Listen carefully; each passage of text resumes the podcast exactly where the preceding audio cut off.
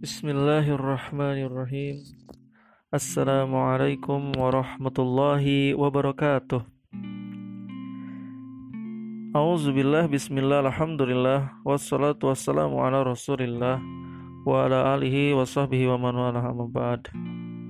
Qala Allah Ta'ala fi kitabihil karim A'udzu billahi minasy syaithanir rajim Bismillahirrahmanirrahim تبارك الذي بيده الملك وهو على كل شيء قدير.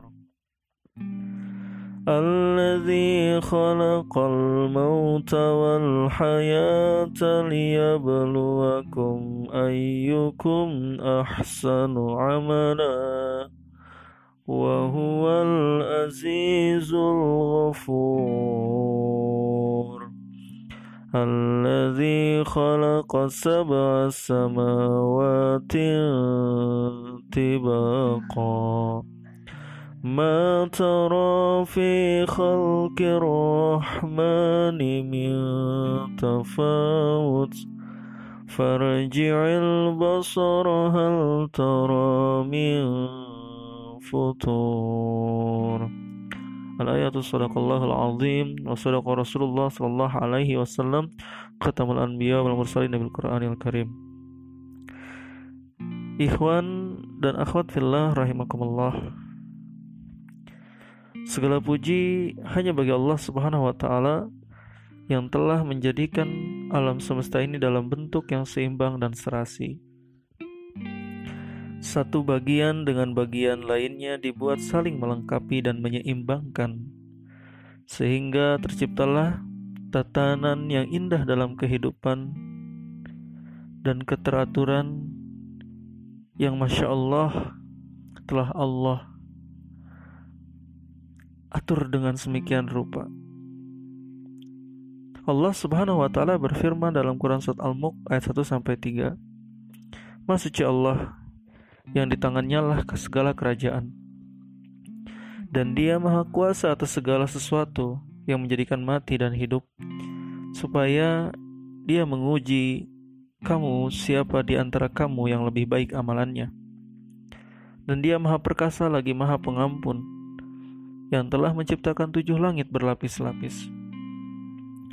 Kamu sekali-kali tidak melihat pada ciptaan Tuhan yang maha pemurah sesuatu yang tidak seimbang, maka lihatlah berulang-ulang, adakah kamu lihat sesuatu yang tidak seimbang?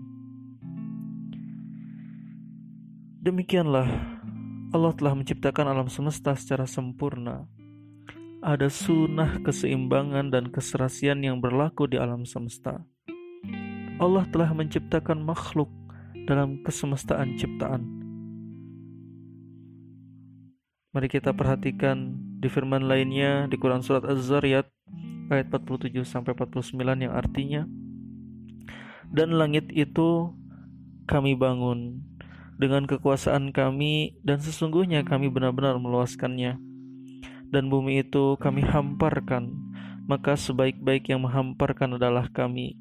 Dan segala sesuatu kami ciptakan berpasang-pasangan supaya kamu mengingat akan kebesaran Allah Ikhwan wal akhwati fillah untuk segala sesuatu Allah telah menciptakan berpasang-pasangan. Tumbuhan, pepohonan, bunga-bunga Allah ciptakan dalam sunnah keseimbangan dan keserasian. Dengan ketentuan dan kuasa Allah mereka bisa mengembangbiakan jenisnya. Binatang-binatang memiliki pasangan jenis di mana mereka bisa saling melengkapi satu dengan yang lainnya dan bisa mengembangbiakan keturunan. Demikian pula manusia. Allah menciptakan manusia dalam bentuk yang sangat indah. Dan untuk mereka Allah menciptakan pasangannya. Secara naluriah, manusia akan memiliki ketertarikan kepada lawan jenis. Ada sesuatu yang amat kuat menarik sehingga seorang laki-laki dengan dorongan naluriah dan fitrahnya mendekati seorang perempuan. Sebaliknya, dengan perasaan dan kecenderungan alamiahnya, perempuan merasakan kesenangan tatkala didekati laki-laki. Allah Subhanahu wa taala menggambarkan, ikhwan wal akhwat fillah rahimakumullah dalam Quran surat Ali Imran ayat 14 dijadikan indah pada pandangan manusia kecintaan kepada apa-apa yang diinginkan yaitu wanita-wanita, anak-anak, harta yang banyak dan jenis emas, perak, kuda pilihan, binatang-binatang ternak dan sawah ladang. Maka untuk menjadikan ketertarikan tersebut menjadi sebuah hubungan yang benar dan manusiawi. Islam datang dengan membawa ajaran pernikahan, sebuah ajaran suci yang menampik kehidupan membujang di satu sisi, namun juga menampik kebebasan interaksi laki-laki dan perempuan di sisi yang lain. Menikah adalah jalan tengah yang membentang antara dua hal tersebut Pikiran beberapa sahabat Nabi yang beranggapan bahwa untuk mencapai kesucian diri dan pendekatan kepada Allah perlu ditempuh dengan jalan membujang ditampik dengan sangat keras oleh Nabi Shallallahu Alaihi Wasallam. Saad bin Abi Waqqas mengatakan Rasulullah Shallallahu Alaihi Wasallam menolak Uthman bin Maz'un untuk melakukan tabattul artinya membujang Seandainya beliau mengizinkannya, niscaya kami akan berkebiri. Bukhari dan Muslim. Pernikahanlah ikhwan akhwat yang menyebabkan sunnah keserasian laki-laki dan perempuan tersusun dalam kerangka yang bijak dan manusiawi. Fitrah kemanusiaan berupa ketertarikan lawan jenis tidak akan bisa dibunuh atau dimampatkan dengan cara apa pun. Akan tetapi penyaluran dengan mengekspresikan kebebasan juga menjerumuskan manusia kepada sifat kebinatangan bahkan kesetanan. Jika kita perhatikan dari berbagai ayat-ayat Al-Quran, akan tampak kepada kita bahwa pernikahan telah merupakan ajaran dan perilaku Nabi terdahulu sebagaimana firman Allah dalam Quran Surat Ar-Rad ayat 38 dan sesungguhnya kami telah mengutus beberapa rasul sebelum kami dan kami memberikan kepada mereka istri-istri dan keturunan. Nabi Adam diciptakan Allah dengan memiliki istri, sebagaimana informasi dalam ayat berikut ini. Dan kami berfirman, Hai Adam, diamilah oleh kamu dan istrimu di surga ini. Dan makanlah makanan-makanannya yang banyak lagi baik, di mana saja kamu sukai. Dalam Quran Surat Al-Baqarah ayat 35. Di dalam firman Allah tersebut, diamilah oleh kamu dan istri kamu menunjukkan bahwa Nabi Adam memiliki istri. Nabi Nuh dan Nabi Lot alaihi salam juga memiliki istri. Kendati pun dibuat percontohan dalam konteks yang tentunya berbalik yakni Allah membuat istri Nuh dan istri Lut perumpamaan bagi orang-orang kafir di dalam Quran surat At-Tahrim ayat 10.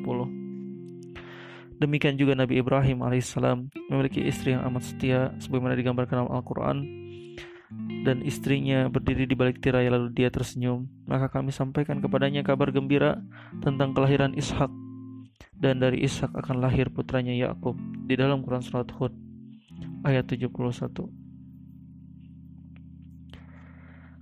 dengan demikian ikhwan akhwat fillah rahimakumullah pernikahan memang telah menyejarah seumur keberadaan manusia di muka bumi ini.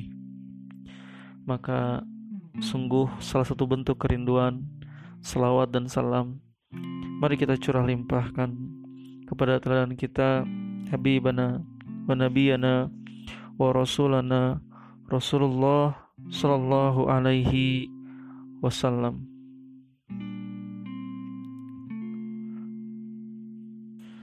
Alhamdulillah. Ikhwanu wal akhwati fillah rahimakumullah. Di kajian pernikahan online ini Insyaallah Ana mohon izin kepada semuanya Kita akan membahas dengan beberapa tema ke depan. Di antaranya Tema yang akan kita gulirkan. Di pertamanya adalah Kusiapkan diri menuju pernikahan. Semoga ini menjadi satu nilai kebaikan dan harapan bahwa pernikahan adalah salah satu ikatan suci yang telah Allah berikan kepada kita menjadikan pembelajaran untuk terus menjadikan kita semakin cinta kepada Allah Subhanahu wa taala. Maka sungguhnya ikhwanatifillah cintailah Allah yang utama sebelum kita mencintai makhluknya. Maka Allah akan mudahkan berikan keberkahan di dalam perjalanan proses kita yang di sini terutama yang utamanya belum menjalani pernikahan. Adapun di sini yang sudah menikah, insya Allah ini menjadikan pembelajaran bahwa masih ada yang lain yang berjuang untuk menemukan pasangan. Maka di sinilah kita belajar untuk bersyukur kepada Allah Subhanahu Taala yang telah memberikan pasangan kepada kita. Yohan Latifillah rahimakumullah. Di dalam tema kita yang pertama yaitu kusiapkan diri menuju pernikahan Kenapa dengan persiapan ikhwatifillah? Karena kesiapan adalah perpaduan yang harmonis antara pekerjaan akal, hati, dan anggota tubuh. Tidaklah seorang dikatakan siap melakukan sesuatu sebelum akal, hati, dan anggota tubuhnya menyatakan kesanggupan. Teramat banyak peristiwa kita jumpai dalam kehidupan. Setiap manusia senantiasa dihadapkan pada pilihan-pilihan. Sepanjang sejarah kehidupannya, ia menghadapi yang namanya pilihan-pilihan. Akan tetapi, peristiwa apakah yang paling menarik untuk dibicarakan? Tentunya di dalam beberapa kajian yang pernah anak isi memang kajian tentang pernikahan Masya Allah banyak yang uh, mengikutinya bahkan bersemangat untuk menghadirinya akan tetapi ini tidak menjadikan hanya pernikahan saja yang dijalankan, tapi banyak juga alhamdulillah di beberapa kajian yang lainnya yang isi juga tentang bagaimana Nabi mendidik anak pun antusias dari para jamaah sekalipun dalam masa pandemi corona seperti sekarang juga alhamdulillah cukup baik untuk mempelajarinya, untuk mengkajinya insya Allah. Maka tapi kita akan bersepakat ikhwan fillah terutama bagi ikhwan akhwat yang belum menikah maka menikah adalah salah satu pembicaraan yang paling menarik.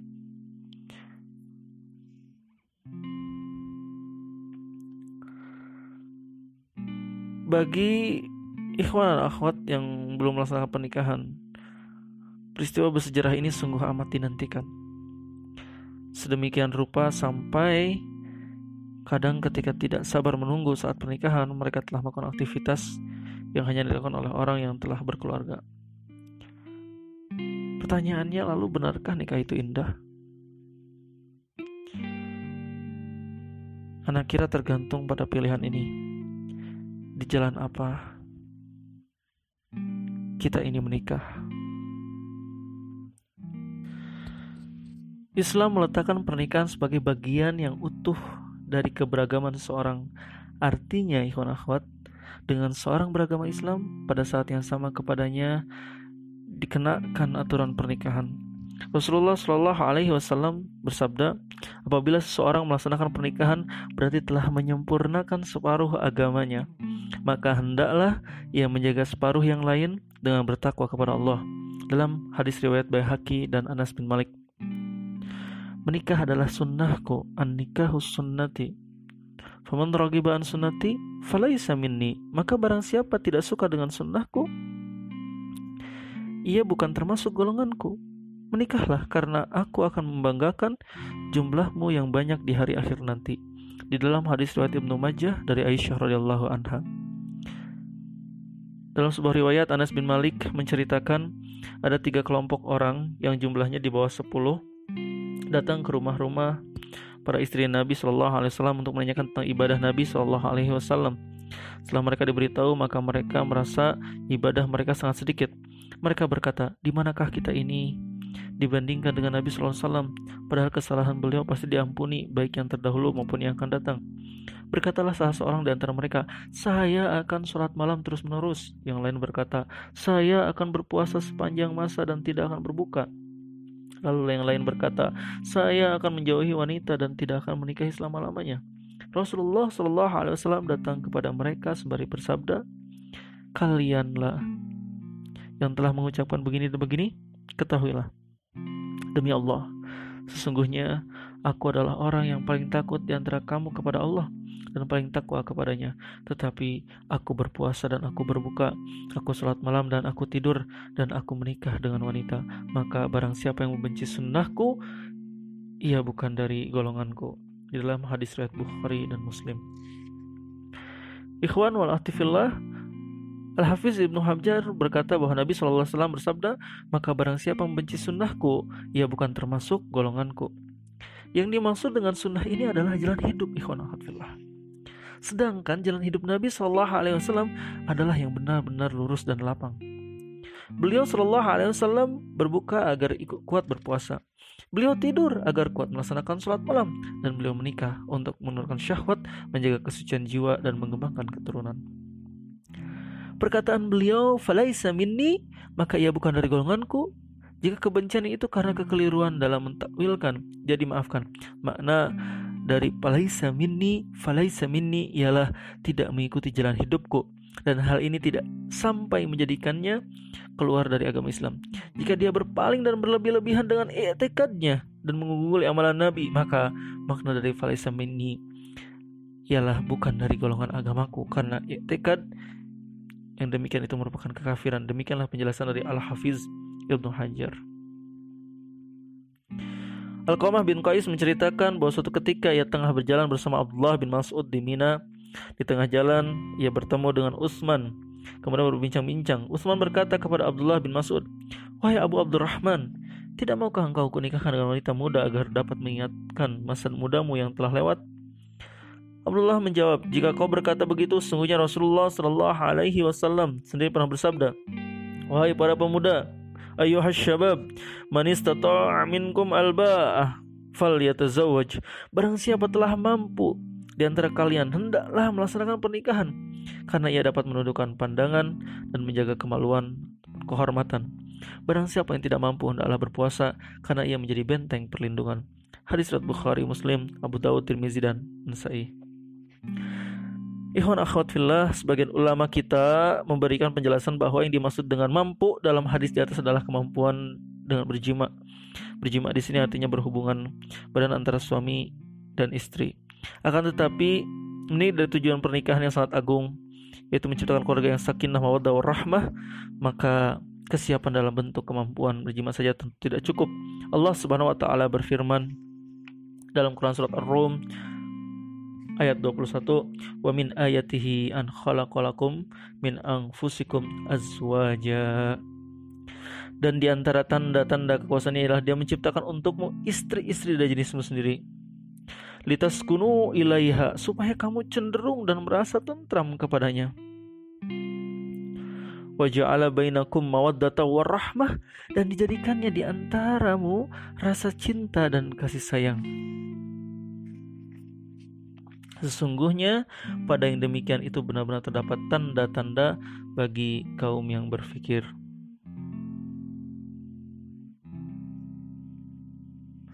Inna fi dzalika layatil liqaumi yatafakkarun.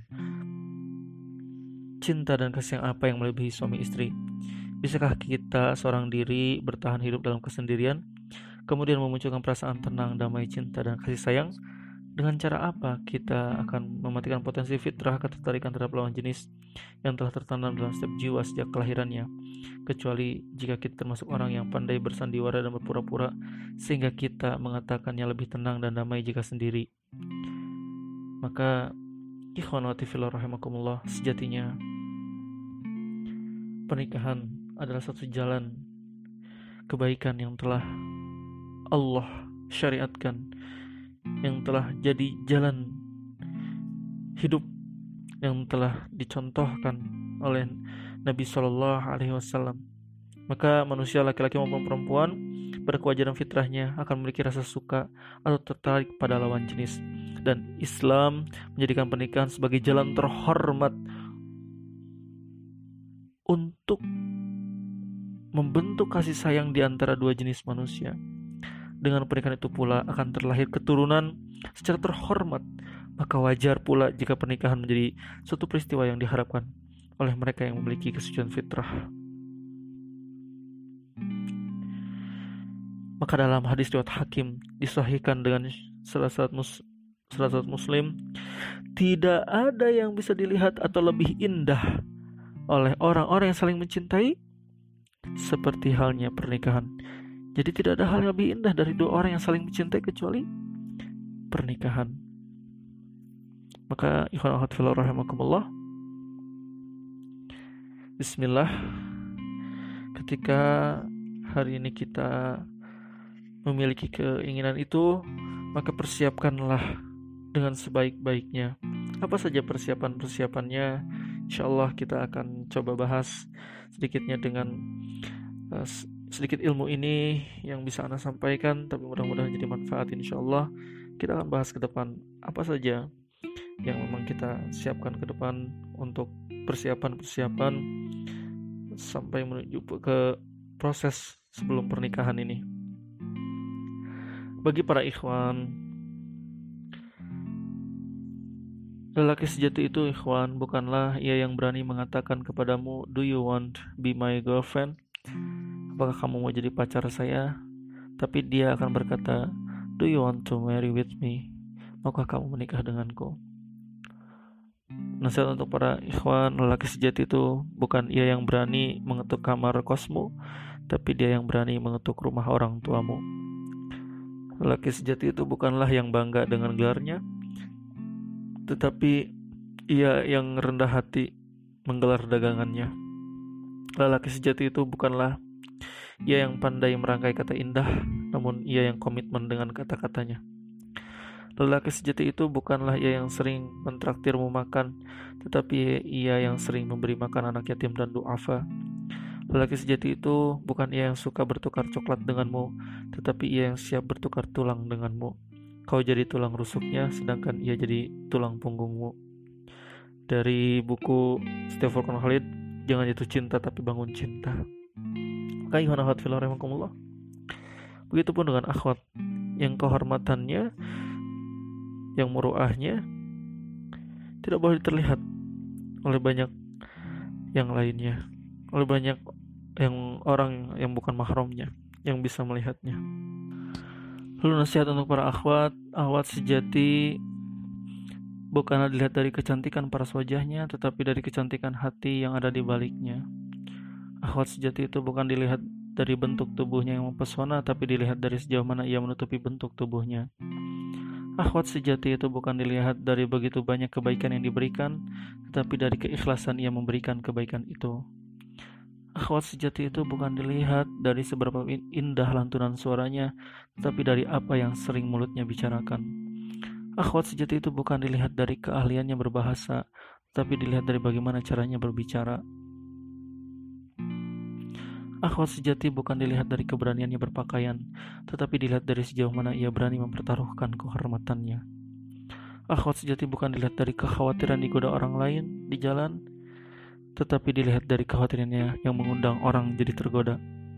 Ahwat sejati bukan dilihat dari seberapa banyak dan besarnya ujian yang ia jalani, tetapi dilihat dari sejauh mana ia menghadapi ujian dengan syukur. Ahwat sejati bukan dilihat dari sifat supelnya dalam bergaul, tetapi dilihat dari sejauh mana ia bisa menjaga kehormatannya dalam bergaul. Maka ikhwan rahimakumullah. Baik ikhwan maupun akhwat dalam mempersiapkan pernikahan terutama bagi para pemuda, para ikhwan sering ditanyakan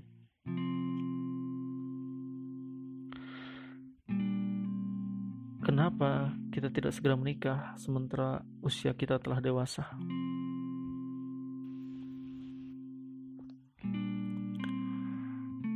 Saya belum memiliki pekerjaan tetap, saya belum memiliki penghasilan yang cukup.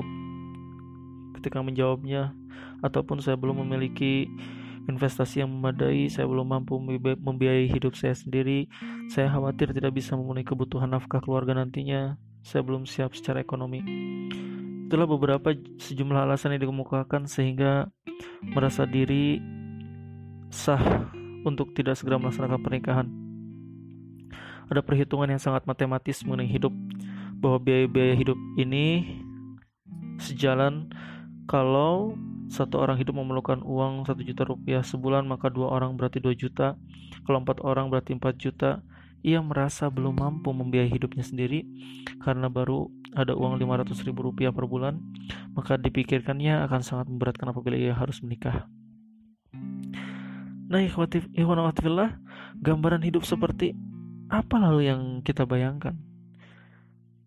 Nah masalahnya di media-media kita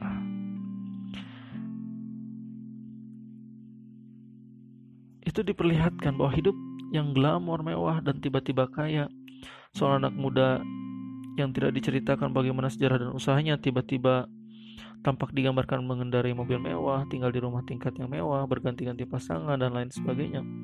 Apa kita tengah hidup di dunia seperti yang digambarkan itu? Membayangkan menjadi pelaku dalam tayangan-tayangan tayangan-tayangan seperti itu dengan kemewahan material itu tiba-tiba kita dicekam oleh rasa takut yang amat sangat bagaimana hidup nantinya jika kita memiliki cukup materi. Kita merasa gagal hidup bahagia sejak dari awalnya hanya karena belum memiliki investasi yang mencukupi untuk menghadirkan kemewahan-kemewahan yang diinginkan. Untuk itulah pernikahan dianggap belum layak dilaksanakan saat ini. Nantilah kalau telah punya rumah sendiri, nanti sajalah kalau sudah punya mobil sedan sendiri, nantilah kalau tabungan sudah mencukupi. Dan menariknya ikhwanahat, masyarakat telanjur meletakkan ukuran-ukuran serba materi dalam menjalani kehidupan. Ini bukan tidak boleh kita memikirkan materi, tapi jika hanya ini menjadi satu saja telak ukur, maka tentunya tidak akan ada yang berani untuk menikah, terutama bagi para ikhwan.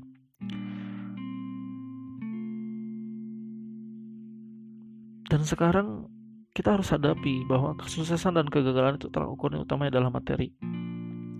Perbincangan publik berkisar pada aspek-aspek materi dan masih terpaku hanya pada satu sisi saja. Wajar kalau kemudian berpengaruh secara amat kuat pada mentalitas generasi muda kita. Ketika akan memutuskan menikah pada usia muda, pikiran pertama kali adalah ketersediaan dana dalam jumlah yang cukup. Orang tua dan masyarakat memberikan pengaruh tatkala mereka menuntut pekerjaan dan gaji tetap kepada calon menantu laki-laki yang datang melamar anak perempuannya. Mereka menanyakan apa pekerjaan tetapnya, berapa gaji per bulannya, bagaimana nanti memberikan makan istri dan anaknya. Pertanyaan yang mengarah kepada tujuan dan jawaban-jawaban serba materi. Tentu saja pertanyaan di atas tidaklah uh, salah.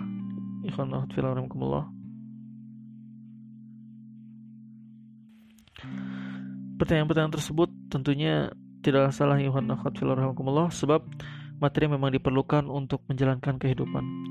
Pertanyaan tersebut tentunya sah dan sesuai dengan kenyataan, akan tetapi yang menjadi salah adalah apabila dampak dari pertanyaan dan tujuan materi ini menyebabkan terhambatnya proses pernikahan. Anak laki-laki merasa takut untuk melangkah karena belum cukup memiliki jawaban untuk menghadapi pertanyaan calon mertua yang seperti itu, akhirnya mereka memilih menunda-nunda pernikahan dan memperpanjang masa hubungan atau nauzubillah sampai ke pacaran. Dampaknya pasti akan buruk terhadap mereka berdua. Maka jadilah materi sebagai berhala. Dipercaya kebenarannya, diyakini dalam hati, dijaga dalam akalnya, materi segalanya. Materi lah yang telah membuat orang menjadi berbahagia atau celaka. Materi yang menjadi jaminan kebaikan hidup berharap materialisme disebarkan sebagai sebuah keniscayaan, membuat orang tunduk di hadapannya, takluk tanpa bisa melawan, membuat masyarakat mengikuti keinginan tuntutannya. Ikhwan rahimakumullah. Tidakkah kita memperhatikan bahwa tiga peradaban materialisme telah dihancurkan oleh Allah sebagai akibat dari berpalingnya mereka terhadap nilai-nilai ilahiyah?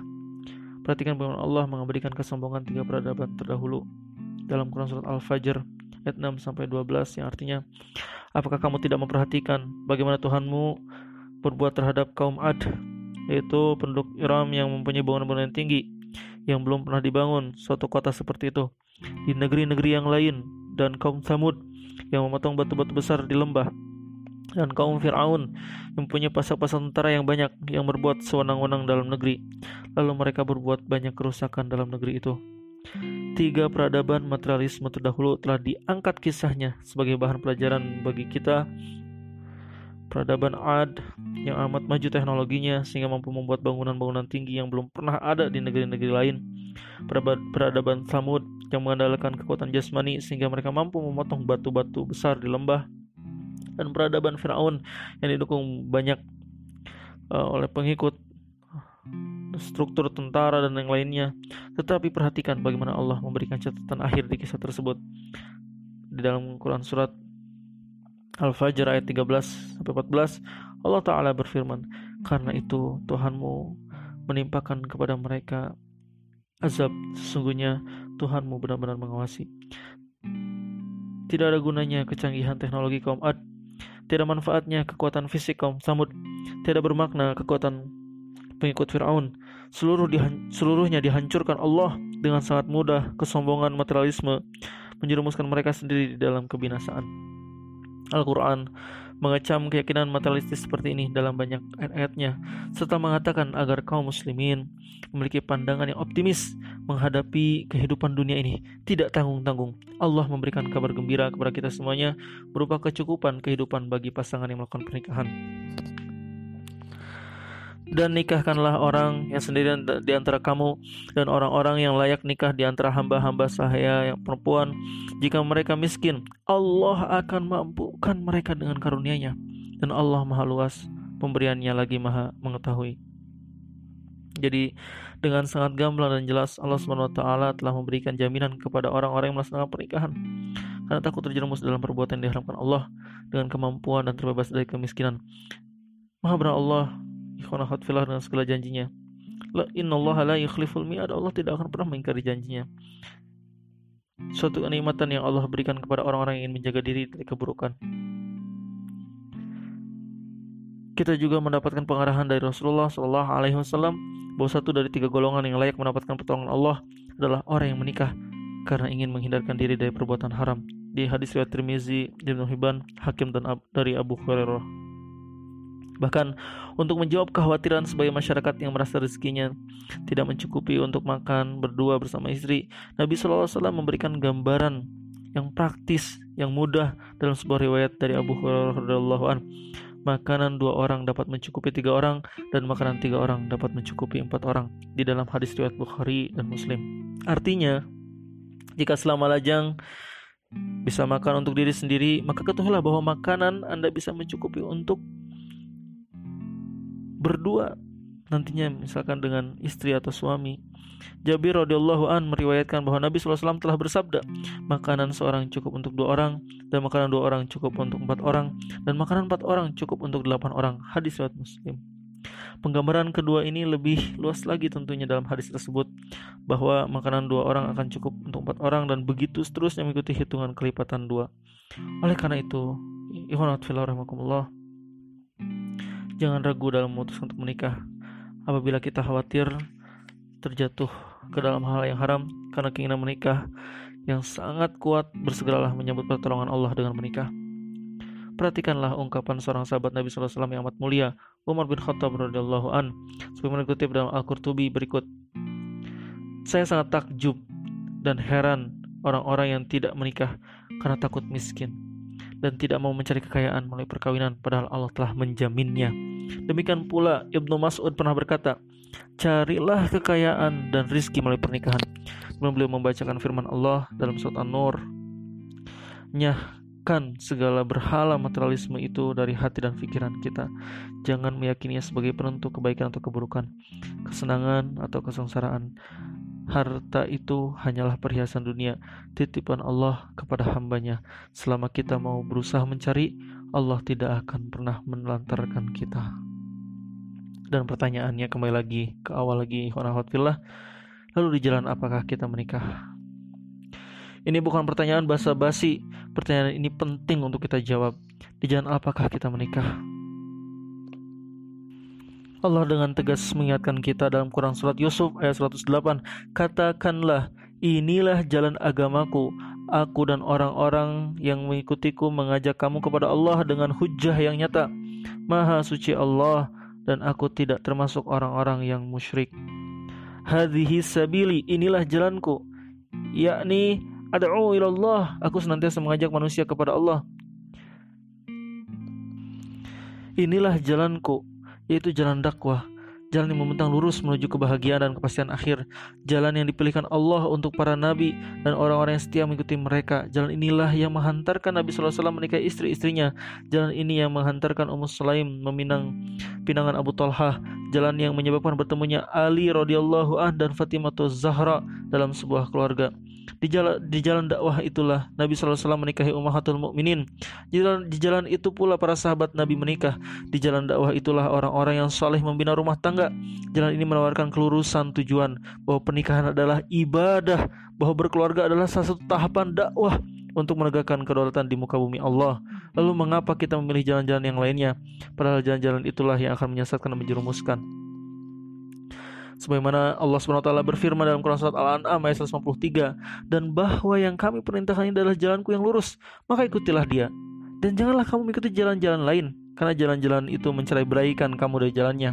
Yang demikian itu diperintahkan Allah kepadamu agar kamu bertakwa. Maka Allah ketika kita ditanya di jalan apa kita menikah maka menikahlah di jalan dakwah. Menyuruh kepada kebaikan mencegah kepada kemungkaran mengajak kepada kebaikan. Tak bidunas li nas. Kita mengajak bahwa ketika kita menikah menjadi syiar dakwah syiar Islam maka kita akan mendapatkan keberuntungan di jalan ini. Para sahabat melangkah. Jalan ini mereka menikah. Di jalan ini sebagai syahid dan kematian yang indah. Jalan tak pernah memberikan kerugian.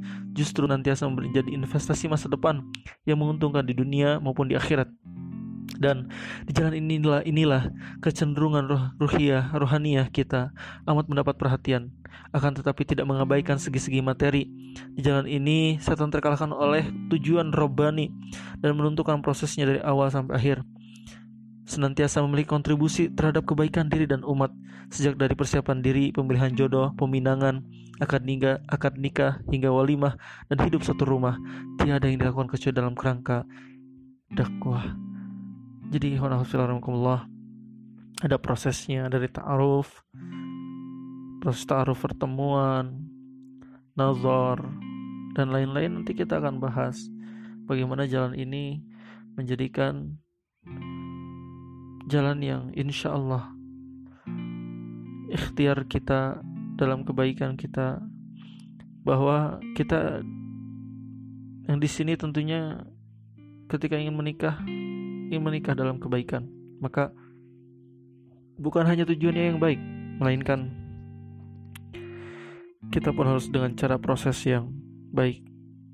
Maka Yohan Ahad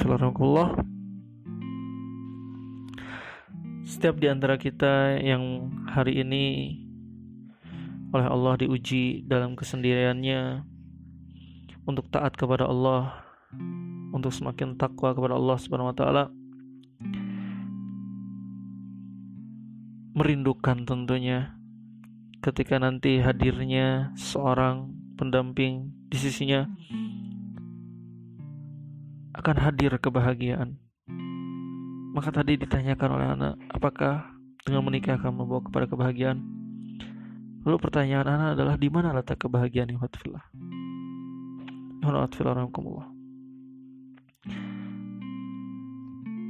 Ada yang berkata, "Saya takut tidak bahagia dalam membangun rumah tangga jika belum memiliki penghasilan tetap. Saya takut tidak membahagiakan keluarga saya kelak jika belum memiliki investasi yang cukup. Saya khawatir tidak bisa hidup berbahagia nantinya ketika sudah berumah tangga apabila tidak mencari kecocokan terlebih dahulu lewat masa pacaran yang panjang." Itukah sebagian dari kekhawatiran yang terjadi sehingga menunda pernikahan? Di manakah letak kebahagiaan? Cobalah kita perhatikan ungkapan beberapa uh, ulama kita terdahulu Abu Sulaiman berkata ahli bangun malam itu di waktu malamnya dapat merasakan lebih lezat daripada ahli sukaria dengan segala macam kesukariaannya. Ibnu Munkadir berkata di antara beberapa kelezatan dunia itu tak ada yang kekal dan tetap melainkan tiga perkara yaitu waktu bangun sholat malam di waktu bertemu kawan-kawan seperjuangan, dan di waktu salat berjamaah. Dari kedua ulama ini, kita tahu bahwa tolak ukur kebahagiaan yang tidak sama dengan lazimnya kebanyakan orang. Bahagia itu adalah kosakata rohani. Dengan demikian, sesungguhnya ia tak akan dicapai dengan jalan materi. Ia hanya dicapai dengan jalan rohani. Materi tak akan pernah bisa memuaskan nafsu manusia, begitu berapapun banyaknya. Tidak bisa dipungkiri memang bahwa materi merupakan salah satu unsur pelengkap kebahagiaan manusia. Akan tetapi, kemelimpahan materi yang tidak dibarengi dengan kekayaan rohani justru menyebabkan orang tidak tenang dan bahagia. Kita lihat mereka yang tinggal di rumah-rumah mewah dengan berbagai macam fasilitas kemewahan, uang mereka melimpah tersimpan di berbagai bank, akan tetapi hidup dalam kekhawatiran. Rumah mereka dijaga satpam, bahkan dijaga anjing penjaga yang galak. Mereka membantengi rumah mereka dengan pagar tinggi yang kokoh, serta pintu dengan kunci besi yang kuat lapis berlapis. Khawatir akan ada pencuri masuk ke dalam rumahnya, khawatir ada rampok yang menghabiskan hartanya, khawatir ada peminta-minta yang rutin mendatangi halamannya. Terlalu banyak kekhawatiran yang mereka simpan, sampai pun kekhawatiran uh, dengan yang seperti sekarang. Mungkin ada pandemi corona yang tadinya uangnya miliaran sekarang berkurang miliarnya. Padahal itu sudah banyak. Maka Iwan Akhwat Rasulullah SAW adalah sebagai teladan kita. Beliau memiliki keluarga yang ideal, penuh dengan ketenangan dan kebahagiaan. Kebahagiaan beliau tidak dibangun di atas landasan materi, bukan karena banyaknya simpanan harta benda dunia, sama sekali tidak Ikhwan Akhwat. Bahkan ketika para istri Nabi menuntut tambahan harta kepada beliau, Allah yang berkenan menjawab tuntutan tersebut dalam Quran Surat Al-Ahzab ayat 28 sampai 29. Hai Nabi, katakanlah kepada istri-istrimu, jika kalian menginginkan kehidupan dunia dan perhiasannya, maka marilah aku berikan kepadamu mut'ah dan aku ceraikan kamu dengan cara yang baik. Dan jika kalian menghendaki keriduan Allah dan Rasulnya serta kesenangan di negeri akhirat, maka sesungguhnya Allah menyediakan bagi siapa saja yang berbuat baik di antaramu pahala yang besar.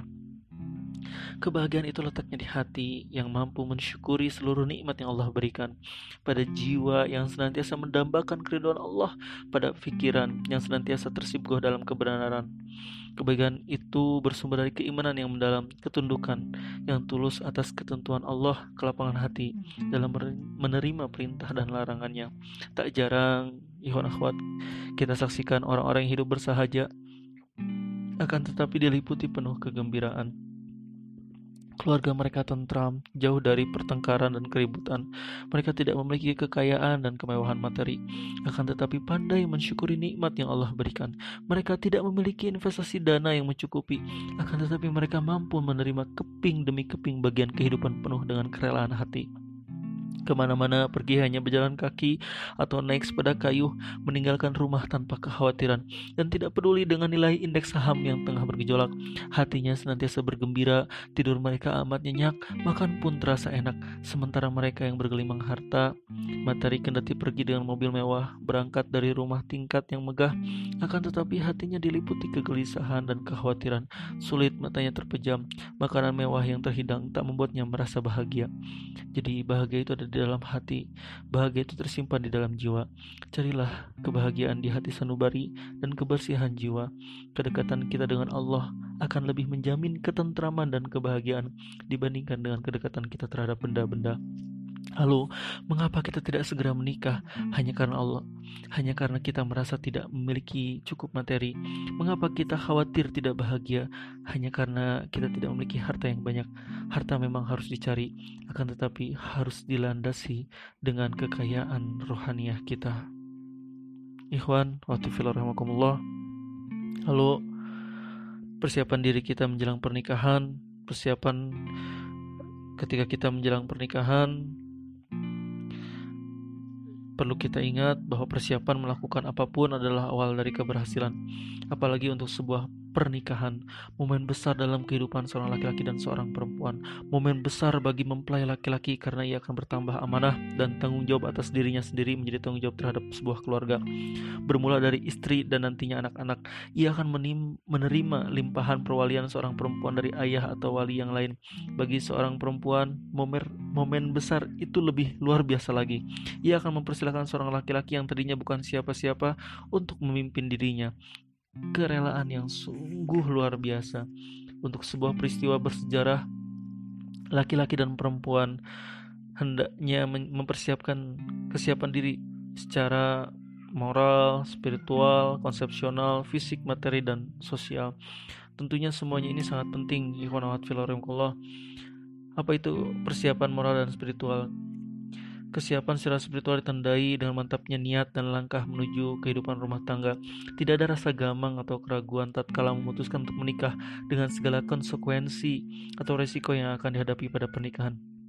Jika kita seorang laki-laki, kita siapkan dalam diri kita untuk bertindak sebagai kawam dalam rumah tangga, untuk berfungsi sebagai bapak bagi anak-anak yang lahir nantinya dari pernikahan.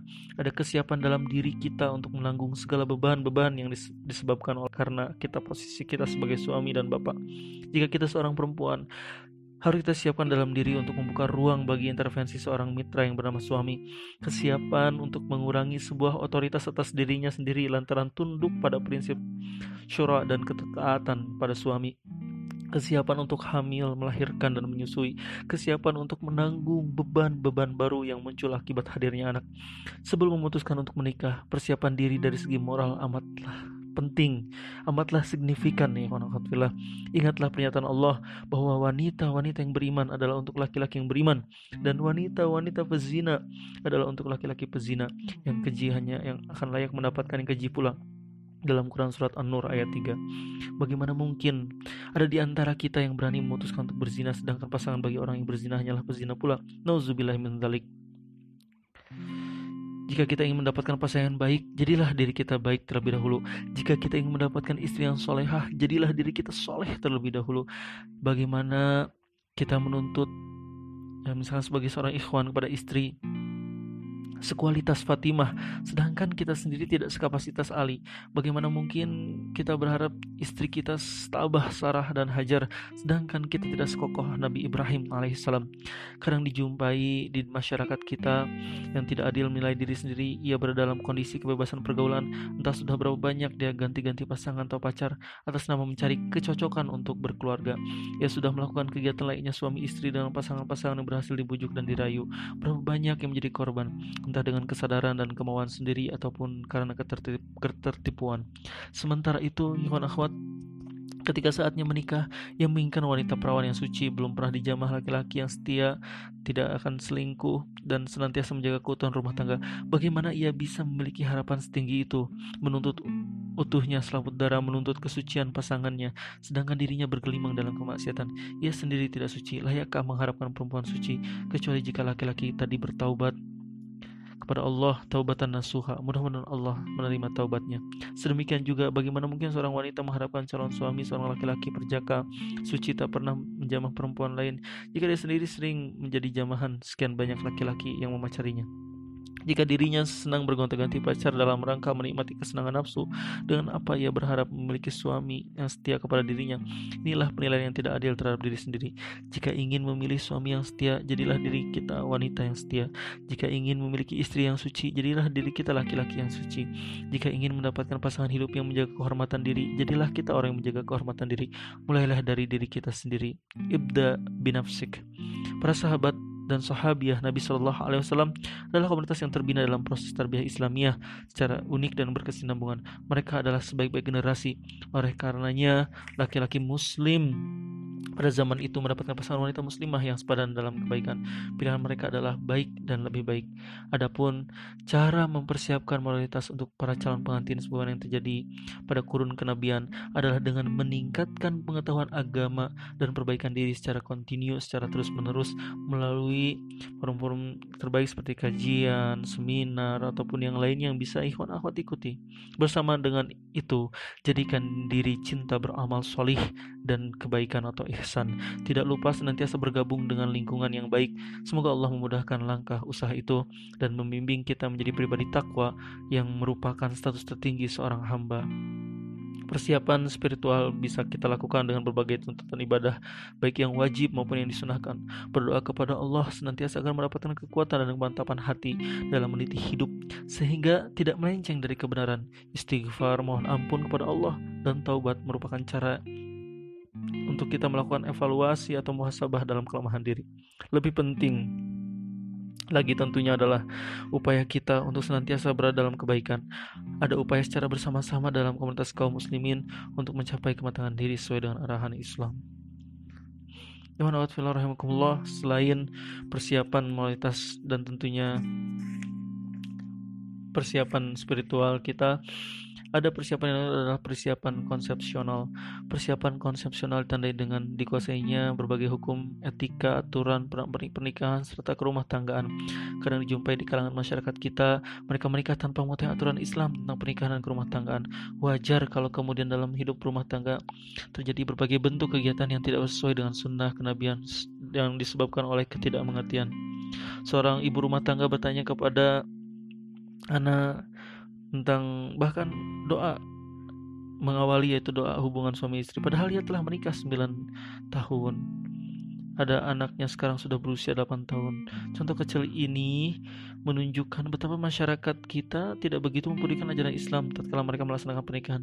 Jika ibu tersebut hanyalah merupakan salah satu sam, uh, misalkan salah satu contoh dari sekian banyak masyarakat kita maka berapa banyak lagi yang sesungguhnya memiliki masalah serupa hanya tidak diungkapkan ada juga pengantin baru yang bertanya sebelum setelah pernikahannya bagaimana cara mandi besar. Saya saya tanyakan, masya Allah kepada beliau apa yang beliau lakukan selama ini? Dia menjawab yang penting mandi saja apa adanya sebisanya. Ihwan ahadfillah hanya dia masih merasa beruntung bahwa pertanyaannya baru terlambat satu bulan. Jika dibandingkan ibu yang di atas tadi terlambat 9 tahun dalam menanyakan dan masih sangat banyak lagi kita menyaksikan masyarakat melakukan sesuatu tanpa landasan pengetahuan. Maka ikhwan akhwat fillah rahimakumullah pentingnya kita juga mempersiapkan konsepsional tentang ilmu-ilmu tentang pernikahan. Sebagaimana ketika kita menikah nantinya kita pun tahu dan lebih baik dalam menjalaninya. Yang selanjutnya adalah persiapan material. Islam tidak menghendaki kita berpikiran materialistis bahwa orientasi dalam kehidupan hanyalah materi akan tetapi tidak bisa dipungkiri bahwa materi merupakan salah satu sarana ibadah kepada Allah. Kita tahu masyarakat Indonesia merupakan salah satu masyarakat yang luar biasa yang tingkat kepeduliannya sangat tinggi. Sekalipun ada sebagian yang berpikiran materialistis sebagaimana kita lihat Tentunya masyarakat tidak akan bisa menunaikan ibadah haji apabila tidak memiliki cukup dana untuk berangkat ke tanah suci, serta biaya menetap maupun pulang. Termasuk biaya bagi keluarga yang ditinggalkan selama hampir sebulan. Jangankan haji yang jaraknya jauh, sedangkan sholat tidak akan sah apabila tidak mengenakan pakaian menutup aurat. Dan seorang tidak memiliki pakaian kalau tidak memiliki harta untuk mendapatkannya. Lebih mendasar dari itu, kita tidak bisa melaksanakan ibadah apabila tidak makan untuk bisa makan dengan cukup, sudah pasti diperlukan sejumlah materi. Islam meletakkan kewajiban ekonomi akibat pernikahan ada di tangan suami. Para suami berkewajiban menyediakan kehidupan bagi bagi istri sejak dari kebutuhan konsumsi, pakaian, tempat tinggal, kesehatan dan juga pendidikan dan transportasi. Seluruh biaya kehidupan rumah tangga menjadi kewajiban suami dalam memikulnya. Jabir bin Abdullah berkata, Rasulullah Shallallahu Alaihi Wasallam telah bersabda, dan kalian wajib memberikan nafkah kepada mereka istri-istri yang memberi pakaian secara ma'ruf. Hadis riwayat muslim. Bukan berarti istri tidak boleh bekerja produktif. Hanya saja pada pihak istri bukan merupakan sebuah kewajiban untuk produktif di bidang ekonomi. Seperti diungkapkan oleh Al Hafiz Ibnu Hajar wanita itu terhalang untuk bekerja karena menunaikan hak suami. Dengan demikian letak kewajiban suami dan istri dalam konteks materi ini berbeda. Suami wajib bekerja mencari nafkah untuk menghidupi istri dan anak-anaknya dengan istri berkewajiban mengelola keuangan dalam rumah tangga. Ikhwan Allah persiapan materi sebelum pernikahan lebih kepada kesiapan pihak laki-laki untuk menafkahi dan kesiapan perempuan untuk mengelola keuangan keluarga bukan berapa jumlah tersedianya dana untuk bisa melaksanakan pernikahan sebab apabila kita berhitung kelewat matematis kita tidak akan bisa mencari jumlah minimal kebutuhan uang untuk hidup berkeluarga. Iwan watifillah rahimakumullah. Di antara persiapan yang ada adalah persiapan sosial. Menikah menyebabkan pelakunya mendapatkan status sosial di tengah masyarakat. Jika suatu lajang dia masih menjadi bagian dari keluarga bapak ibunya, sehingga belum diperhitungkan dalam kegiatan kemasyarakatan. Setelah menikah, mereka mulai dihitung sebagai keluarga tersendiri. Membiasakan diri terlibat dalam kegiatan masyarakat merupakan cara melakukan persiapan sosial. Apabila laki-laki dan perempuan muslim telah mencapai usia dewasa, hendaknya mereka mengambil peran sosial di tengah masyarakat sebagian sebagai bagian utuh dari cara mereka belajar berinteraksi dalam kemajemukan masyarakat. Jika sebelum menikah tidak terbiasa melakukan interaksi sosial seperti ini, biasanya muncul kekagetan ketika telah berumah tangga dengan sejumlah tuntutan sosial yang ada. Islam adalah agama yang senantiasa menyuruh kita memiliki kepedulian dan keterlibatan sosial. Allah Subhanahu wa taala berfirman, "Sembahlah Allah dan janganlah kamu bersekutukannya dengan sesuatu." dan berbuat baiklah terhadap kedua orang tua, kerabat-kerabat, anak yatim, orang miskin, tetangga yang dekat dan tetangga yang jauh, teman sejawat, Ibnu Sabil dan hamba sahayamu. Sesungguhnya Allah tidak menyukai orang-orang yang sombong dan membanggakan diri dalam Quran Surat An-Nisa ayat 36. Ikhwan walatifillah rahimakumullah dan indahnya syariat Islam bertujuan untuk memudahkan jika kita tinjau dari seluruh sisinya, serta Islam berprinsip menghilangkan kesulitan dengan mengambil kemudahan dalam setiap pilihan. Allah SWT berfirman, Allah menghendaki kemudahan bagimu dan dia tidak menghendaki kesulitan bagi kamu dalam Quran Surat Al-Baqarah ayat 185. Dengan maha kasihnya Allah SWT tidak menghendaki kesulitan bagi kita dalam mengaplikasikan ketentuan-ketentuan darinya. Firman Allah SWT dalam Quran Surat Al-Hajj ayat 78. Dan ia sekali-kali tidak menjadikan untuk kamu dalam agama suatu kesempitan agama yang sudah sedemikian dimudahkan oleh Allah ini masih banyak yang merasakan berat dalam melaksanakan karena tidak ketidaktahuan mereka. Apalagi jika memang dengan sengaja dibuat format yang sebelum menyulitkan dalam beragama sudah pasti akan lebih banyak lagi manusia yang berpaling. Inilah yang terjadi dalam pernikahan yang Allah Sungguhnya dalam prosesnya ada kemudahan di dalamnya, hanya masing-masing punya keinginan dan yang lain-lainnya. Akan tetapi insya Allah jika contoh seorang ikhwan yang akan meminang, ada mahar dan lain-lainnya, bisa dikomunikasikan. Tapi perlu diingat adalah menikah bukan hanya antara ikhwan dan akhwat tapi dua keluarga besar. Maka persiapan-persiapan tadi harus disiapkan. Semoga bermanfaat. Semoga kita semuanya terutama yang hari ini ada yang sedang berproses atau um, mempelajari tentang keilmuannya semoga Allah mudahkan urusannya, memberkahi kehidupannya dan ada dalam keridhaan Allah Subhanahu wa taala. Yang benar datang dari Allah Subhanahu wa taala, jika ada yang salah semua datang dari diri pribadi ana. Aku qouli dan astagfirullah li wa lakum. Syukran jazakumullah ala ihtimaminkum. Sekali lagi honawatfillah, menikah adalah satu jalan terbaik di antara ketika dua orang saling mencintai.